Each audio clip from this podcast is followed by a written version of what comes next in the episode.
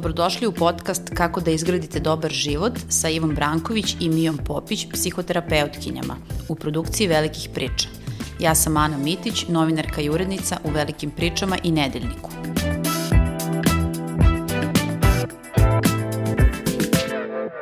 Dan zaljubljenih je za nama, pa je sve u znaku ljubavi i zaljubljenosti, a da bi to funkcionisalo kako treba, trebalo bi odabrati pravu osobu. E tu dolazimo do teme uh, ovog podcasta uh, u kojoj razgovaram sa Mijom Popić, psihoterapeutkinjom. Uh, govorit ćemo o tome šta znači kada je neko emocionalno nedostupan ili emocionalno dostupan i koja su to ključna pitanja na koja bi trebalo da odgovorimo, ali i da postavimo i sebi i toj osobi i Mija je pisala jedan tekst za velike priče gde smo stavili uh, naslov pitanja za prvi uh, date. Ako je to ok, možda je preambicio za naslov. Ja se pitam da li će ljudi pobeći sa prvog dejta ako dođeš sa spiskom. Evo pitanje za prvi dejt. Tako da ovaj, uh, možda baš da počnemo od toga da li uopšte postoje neka pitanja za prvi dejt. Ti tu u stvari govoriš u tom tekstu o zelenim i o crvenim mm -hmm. uh, zastavicama, misliš na neke signale, uh, dobre signale i loše Tako signale, je. a na te signale možemo da naletimo možda kad postavimo neka od tih pitanja. Tako je. Pa ja sam sigurna da postoje neka pitanja, sasvim sigurno ne kao neki priručnik, sad idem na dejt i to ću da pitam, ali nas najčešće zanimaju vrednosti osobe sa kojom smo na dejtu. Šta je to što je motiviše, šta je to što je pokreće, kakav stil života e, živi, e, šta su neka njene interesovanja i šta ona voli. I mislim da to nije nevažno, da nekako razumemo koliko su nam vrednosti usklađene sa osobom koju razmatramo za potencijalnog partnera. Meni je generalno čitava ta tema zapravo inspirisana tim čuvenim mimom i možda ljudi to i znaju, verovatno su videli na mrežama, gde um, osoba kaže sve crvene zastavice su bile tu, a, ali ja sam mislio ili mislila da je to karneval. I to je ono što ljude zapravo nekako navodi na pitanje kako da znamo da je nešto zabavno i uzbudljivo i privlačno zato što je stvarno zabavno i uzbudljivo, a šta kada se desi da taj neki nemir i strah koji osetimo, koji signalizira da možda nismo na bezbednom mestu, mi ga prekrstimo u nešto zabavno i proglasimo od crvenih zvezdica karneval. Pa dobro, ali to sad ima veze malo sa tim da li je neko zaljubljen, jer kad je neko zaljubljen, ne ponaša se baš da, tad... uh, uh, racionalno i teško je možda nekad napraviti razliku između crvenih i zelenih Jest. uh, uh, zastavica. I, i to sam i htela da te, da te pitam. Mislim, ko uopšte razmišlja o pitanjima kad ide na prvi dejt i šta treba da pita? Neki ljudi uopšte ni, ne razgovaraju na prvom dejtu. Da, pa ja verujem da, da ljudi koji su radoznali koji možda tome malo pristupaju onako um, iz nekog zahteva za kontrolom i potpunom izvesnošću stvarno odu na dejt sa setom pitanja. A ovo što si rekla za zaljubljenost je mene uh, asociralo na jedan eksperiment o kome sam čitala na doktorskim studijama socijalna psihologija, poglavlje psihologija ljubavi. I tad sam ovaj, se iznenadila koliko je zapravo ljubav istraživana u, u ovaj, psihologiji, pa je jedan eksperiment pokazao da kada pokažeš ljudima, ne znam, recimo dvadesetak slika i jedna od tih slika je slika njihovog partnera u kog su zaljubljeni, recimo prvih šest meseci veze i pratiš e, šta se dešava u njihovom mozgu, e, došli su do saznanja da su to identični kognitivni e, procesi kao kad je osoba na kokainu. Mm -hmm. Tako da i o tome je i Iva divno pisala u, u poslednjem tekstu Zaljubljeni ste pa šta, ove, gde stvarno može da se napravi paralela između zaljubljenosti i tog nekog opojnog dejstva e, droga, tako da mi tad stvarno nismo sasvim racionalni i postavlja se pitanje koliko stvarno možemo da postavimo sva ta racionalna pitanja o kojima ti i ja sada govorimo, ali ja svejedno mislim da nije loše da nešto od toga znamo, pogotovo to se odnosi na one ja to u psihoterapijskoj praksi često srećem, koji su se opekli, koji jesu crvene zastavice pro, proglasili za karneval, koji su bili u nekim toksičnim i problematičnim odnosima i sad nekako strahuju da uđu u nešto novo i imaju utisak da im treba neki priručnik.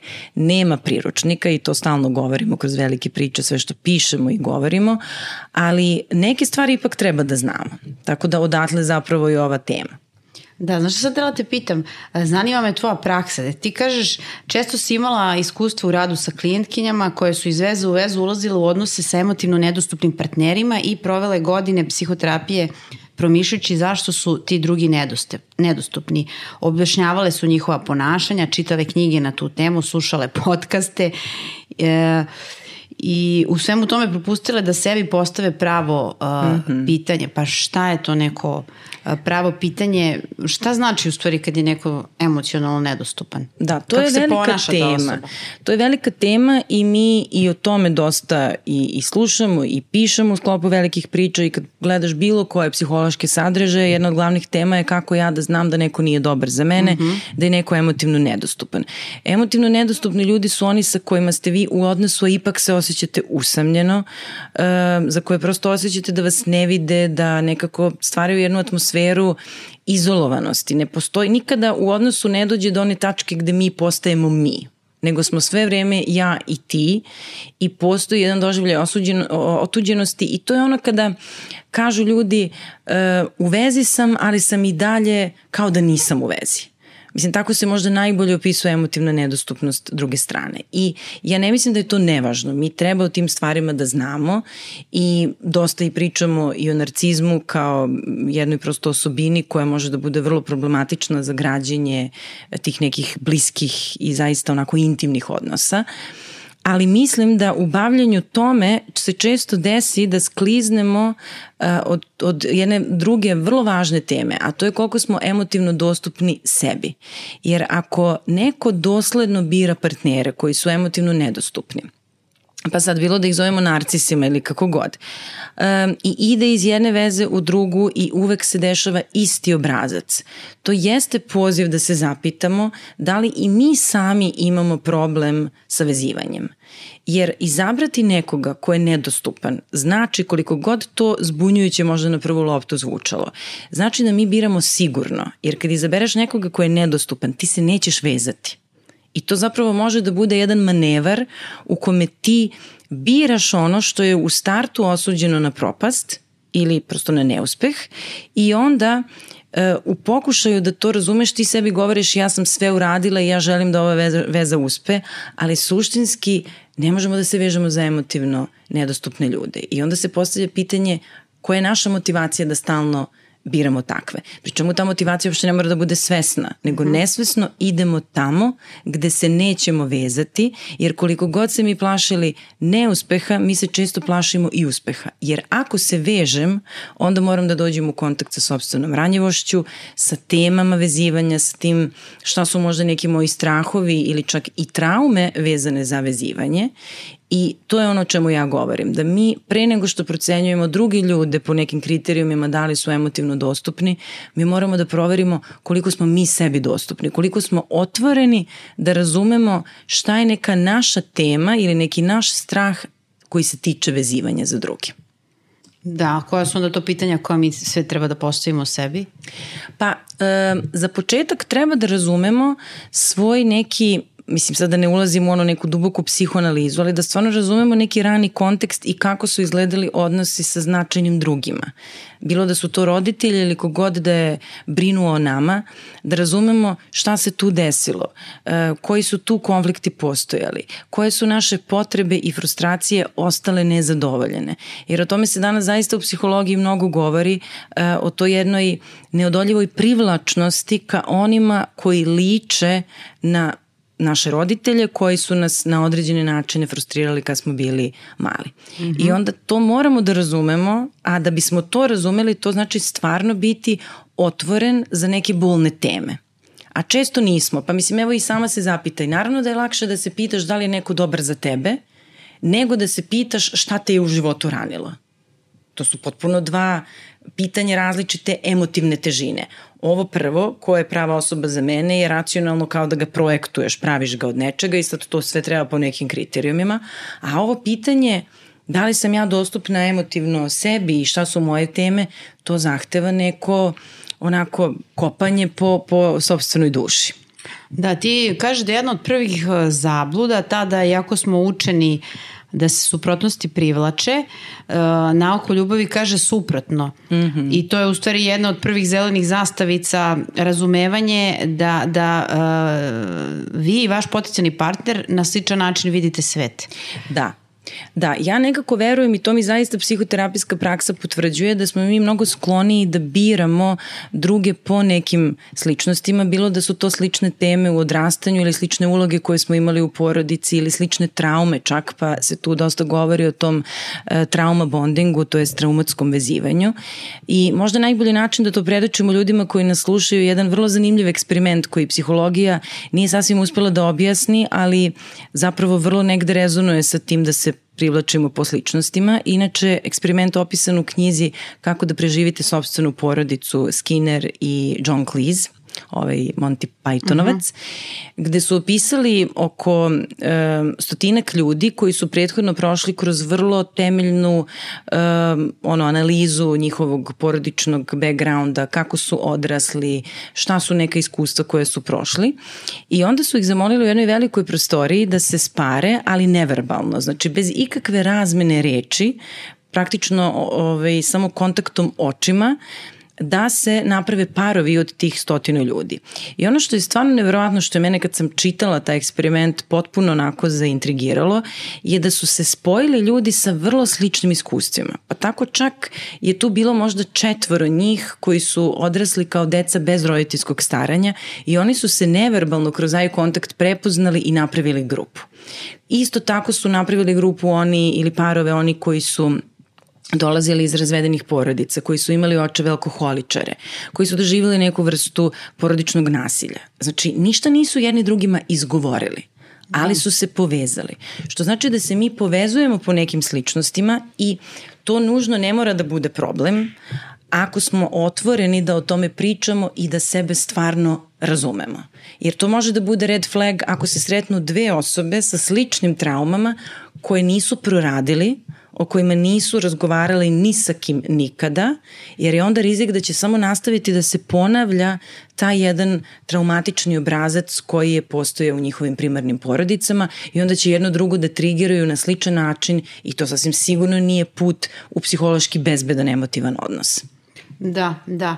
E, to je sad samo jedan od e, primera. Jeste. E, a kada govoriš o crvenim i zelenim zastavicama, šta su crvene zastavice još? Da li bi mogli da se osvrnemo na to? Koji su to neki signali da neka osoba nije prava osoba i dobra za nas? Pa jedna od glavnih uh, za mene je uh, koncept lične odgovornosti. Koliko osoba kada priča o svojim iskustvima preuzima odgovornost za to što je se desilo ili govori o tome da su drugi krivi. Dakle, ako bi postojilo jedno trik pitanje, i znam da to sad će zvučati vrlo bizarno, koje ja mislim da nije loše postaviti u nekom trenutku, to je kako, ili bar možda ne postaviti direktno, ali doći do odgovora na to pitanje, to je kako e, naš potencijalni partner sagledava svoje bivše partnerke. Jer to što ti potencijalni partner kaže o svojim bivšim devojkama ili momcima, govori o nekom stavu koji ima prema e, svojim partnerima, prema ulozi žene ili muškarca i dosta može da nam otkrije o tome koliko ta osoba preuzima odgovornost za neke stvari. Jer evo, zapitaj se, ako recimo ti neko kaže, ma kao sve moje bivše devojke su bile ovaj, potpuno e, bez veze, neke e, ludače i ovakve i onakve, Mislim, ja bi se zapitala. Meni bi to bio red flag. Pa ja bih znala da će isto to da kaže za mene. Pa da. Ja bih to pomislila. Tako Ako je. za sve tako kaže, znači sutra će tako da priča o meni. Tako je. Tako da evo, to je recimo sad ako bismo konkretizovali, ja bi to nekako shvatila kao red flag koliko postoji reciprocitet u razgovoru. Ja o tome često pričam i to stalno ponavljam. E, ok, nećemo da merimo, ali ako si na dejtu i druga osoba je uzela svo vreme da ti ispriča sve o sebi, a ništa te nije pitala, možda toj osobi ne treba partner, nego joj treba publika. Da, zašto je ne zanima ništa o tebi? Kao šta si ti Tako tu, sluš, samo slušaš? Tako je, tako je. E, sad, ono što možda ne, mo, ne moraju da budu neki dramatični red flagovi, ali jesu bitne informacije, to je kakav je stil života, koje su vrijednosti. Ja o tome pišem u, u ovom tekstu koji si ti pomenula. Dve osobe koje imaju potpuno oprične vrijednosti. Jedna je altruista i vrlo je stalo do neke socijalne jednakosti, toga da pomogne drugima, a ova druga nije. I ova koja nije altruista možda uopšte nije zla, samo je to prosto nije tema, nije ni sebična, ali jednostavno nema taj doživljaj da sve treba da bude jedno tako pravedno mesto. Koliko će sad te dve osobe da izgrade ovaj, kvalitetan odnos? Prosto postavlja se pitanje. Tako da eto, to su neke stvari o kojima možemo da razmišljamo. Vrednosti, stil života, način kako pričaju o svojim prijethodnim iskustvima i partnerima, koliko su otvoreni sebe da vide i pitanje nad pitanjima koje znam da zvuči paradoksalno, to je da li ide na psihoterapiju. Pazi, da, sad dok si ovo pričala sam u stvari shvatila da ni ne moraš mnogo da pitaš. Da. Iz toga što ti osoba govori možeš puno da saznaš. Da. Ali dobro, možeš nešto i da pitaš, a možeš da pitaš... Ideš da. li ti na psihoterapiju? I šta? Da. Šta ako kaže idem, a šta ako kaže ne idem? Pa tu sad zavisi naravno i kako mi gledamo na koncept psihoterapije, eh, ali ja zaista negde duboko verujem da eh, je to stvar mentalne higijene i ono što sad stvarno mogu odgovorno da tvrdim kao neko ko se time bavi skoro 15 godina i to je čak i interna fora nas psihoterapeuta da kod nas dolazi neki fini, normalni, samosvesni svet čisto zbog onih koji baš nisu takvi, koji nikad ne bi došli. Tako da su se tu sad stvari malo izokrenule od toga da na psihoterapiju idu po znacima navode neki ludaci. Mi danas razmišljamo da kod nas zapravo dolaze ljudi koji su otvoreni da rade na sebi, a oni koji nisu, e pa to ih već svrstava u neku kategoriju manje mentalno zdravih, ako bi uopšte mogli tako strogo da pričamo. Tako da je za mene uvek dobra vest da neko ide na psihoterapiju, jer to znači da prorađuje sve one porodične teme koje mogu da budu uh, okidač konflikata u partnerskom odnosu i dobra je šansa da ako oboje idu na psihoterapiju, da neće jedno drugom da podmeću te neke uh, neprorađene porodične traume, nego će taj odnos stvarno biti prilika da rastu i razvijaju se umesto da samo ponavljaju sve ono što nije prorađeno. A sve što ne proradimo, sve što ne osvestimo, mi to često ponovimo. Da, ti si tu citirala u tom tekstu i Junga e, koji je rekao da sve što nas iritira kod drugih dovodi nas u kontakt sa sobom Tako je. A, I da ti veruješ da to isto važi i za sve ono što nas privlači kod drugih. Da. I ti tu vidiš najveći rizik u vezivanju za pogrešne osobe. Da, zato što i tu se baš dolazimo do, do suštine ovaj, um, ove teme ići na psihoterapiju ili ne nužno ići na psihoterapiju, ali prorađivati svoje lične sadržaje, jer možda najkonkretniji primer je izbor partnera koji na prvu loptu deluje potpuno suprotno sve od nas, znači neko ko je e, direktan, otvoreno kaže sve što misli, asertivan je čak i na granici neke agresivnosti, a druga strana je pasivna, vrlo pomirljiva, ne govori šta želi. I sad njih dvoje su se našli, na prvu loptu to deluje kao da su dve potpuno suprotne osobe, ali nisu, zato što mi često partnere biramo naspram onih nekih ličnih tema koje još uvek nismo proradili i onda to deluje kao jedan simbiotski odnos. Ako ja kod sebe negiram sobstvenu snagu, asertivnost, spremnost da se zauzmem za drugog i ukoliko mislim da meni to nekim čudom ne pripada, ja ću onda da budem privučena takvim nekim snažnim, direktivnim, asertivnim ljudima i misliću da ne mogu da živim bez njih. Mm -hmm. Što znači i onda se dešava simbioza, a simbioza nikad nije dobra, jer neko drugi je nosilac neke tvoje snage koju ti sebi potireš i negiraš. I sad, da bi tu postojao relativno zdrav odnos, ova pasivna osoba mora da razume kako da se zauzme za sebe, kako da kaže šta ima i da onda tu postoji relativno ravnopravan odnos. Mislim, ovo sam sad dosta pojednostavila, ali nadam se da je jasno. Prosto mi kad se biramo po e, nekim suprotnostima, to nas uvek dovodi do kontakta sa nekom našom ličnom temom s kojom mi možda nismo sasvim konforni i to je poziv da se njome zapravo pozabavimo. Pa da, da li je okej okay ako ti sad izabereš nekog partnera koji ima sve ono što, što bi ti voleo da ima što tebi fali, pa onda uh, od njega učiš? Apsolutno i to je ono što, što bi nekako i trebalo da bude svrha partnerstva, da mi kroz njega rastemo i razvijamo se. Ali je mnogo važno da to rade obe osobe. I ja stvarno mislim da bez neke priče o emocionalnom opismenjavanju, emocionalnoj zrelosti, radu na sebi, nema zdravih odnosa. Jer mislim, ništa ne, ne može da se podrazumeva u zdravom odnosu. Da, a vratit ću te sad opet na ovo pitanje emotivne dostupnosti. Uh, važno je pitanje koliko smo mi emotivno dostupni sami sebi. Mm -hmm. I možda je, ti kažeš da je možda red da sebe pitamo isto ideš li ti na psihoterapiju? Jeste.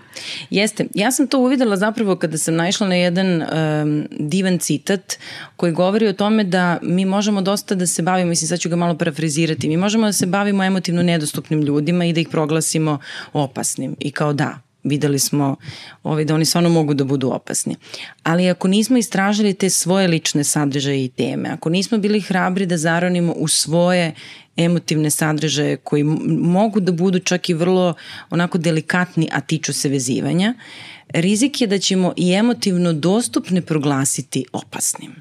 Jer rizik je tu zapravo od istinske e, povezanosti, bliskosti, intimnosti, a to je za mnoge ljude potpuno novo. Jer ti ako si izabrao put u kome biraš emotivno nedostupne, to je jedan poznati, ja bih rekla čak i algoritam – izaberem emotivno nedostupnog, bavim se time zašto je on takav, čitam knjige, idem na psihoterapiju, slušam podcaste i uložim sav svoj napor i dok ja to radim, ja ne mogu da se opustim, prepustim, vežem, budem ranjiva, vidim kako je to kad je druga strana ranjiva, jer emotivno nedostupni to nisu. Tako da su takvi odnosi jedna vrsta racionalnog projektovanja i rada – I dok to radimo, mi zapravo ne vidimo ove koji su emotivno dostupni, sa kojima moramo sve nešto novo i drugačije i nepoznato, a to ume da bude zastrašujuće. I to je ono kada često i žene kažu, mislim, i to nam je nekako i čitava ova čitavo ovaj pokret romantičnih komedija nam je poslao tu poruku, da su emotivno dostupni muškarci dosadni. A nisu oni dosadni, nego je to samo jedan potpuno nov narativ i kontekst u kome ne rade svi ti mehanizmi koji su tebi vrlo poznati kada juriš za emotivno nedostupnim, pa onda pokušavaš da razumeš zašto su takvi. Da, to kao zašto žene biraju loše momke. Da. Uh, ali ovo je takođe i priča o tome zašto uvek biram pogrešnog. Pa da, to je zapravo ta tema. Mm -hmm. Mislim, skoro sam videla, to mi isto bilo smešno, da taj problem e, izbora emotivno nedostupnih muškaraca je počeo onog trenutka kada smo izabrali Dilana u odnosu na Brendona. E da, da, videla sam da. i ja to. Tako da mislim sad ovaj, zavisi ko, ko nas sluša i koja je to generacija, ali da, mislim Bre Beverly Hills Beverly nam je Hills tu, serija, da. ovaj, kako bih da, rekla, da. preteča te teme. Dobro, i evo za kraj da te pitam za neki uh, savet, kako da znamo ko je prava osoba za nas i, i, i kako da znamo da smo bezbedni. Da. Pa mislim da je tu važno prvo uh, i daću jedan malo, ovaj, kako bih rekla, nepopularan odgovor, nema priručnika za to ko je prava osoba za nas, ali možemo mi da se potrudimo da budemo prava osoba za sebe, tako što ćemo naučiti da pratimo svoje telo i svoje emocije i da e, nekako hrabrije uđemo i zaronimo u taj svoj emotivni svet i kad budemo sebi emotivno dostupni i kad se u svojoj koži budemo naučili osjećati bezbedno, onda ćemo veštije čitati i te iste signale kod drugih. Tako da to je možda neka moja ključna poruka. Prije nego što se pitate da li je neko bezbedan, emotivno e, nedostupan i slično, ajde da prvo krenemo od sebe i da se pozabavimo sobom. Hvala ti puno. Hvala tebi.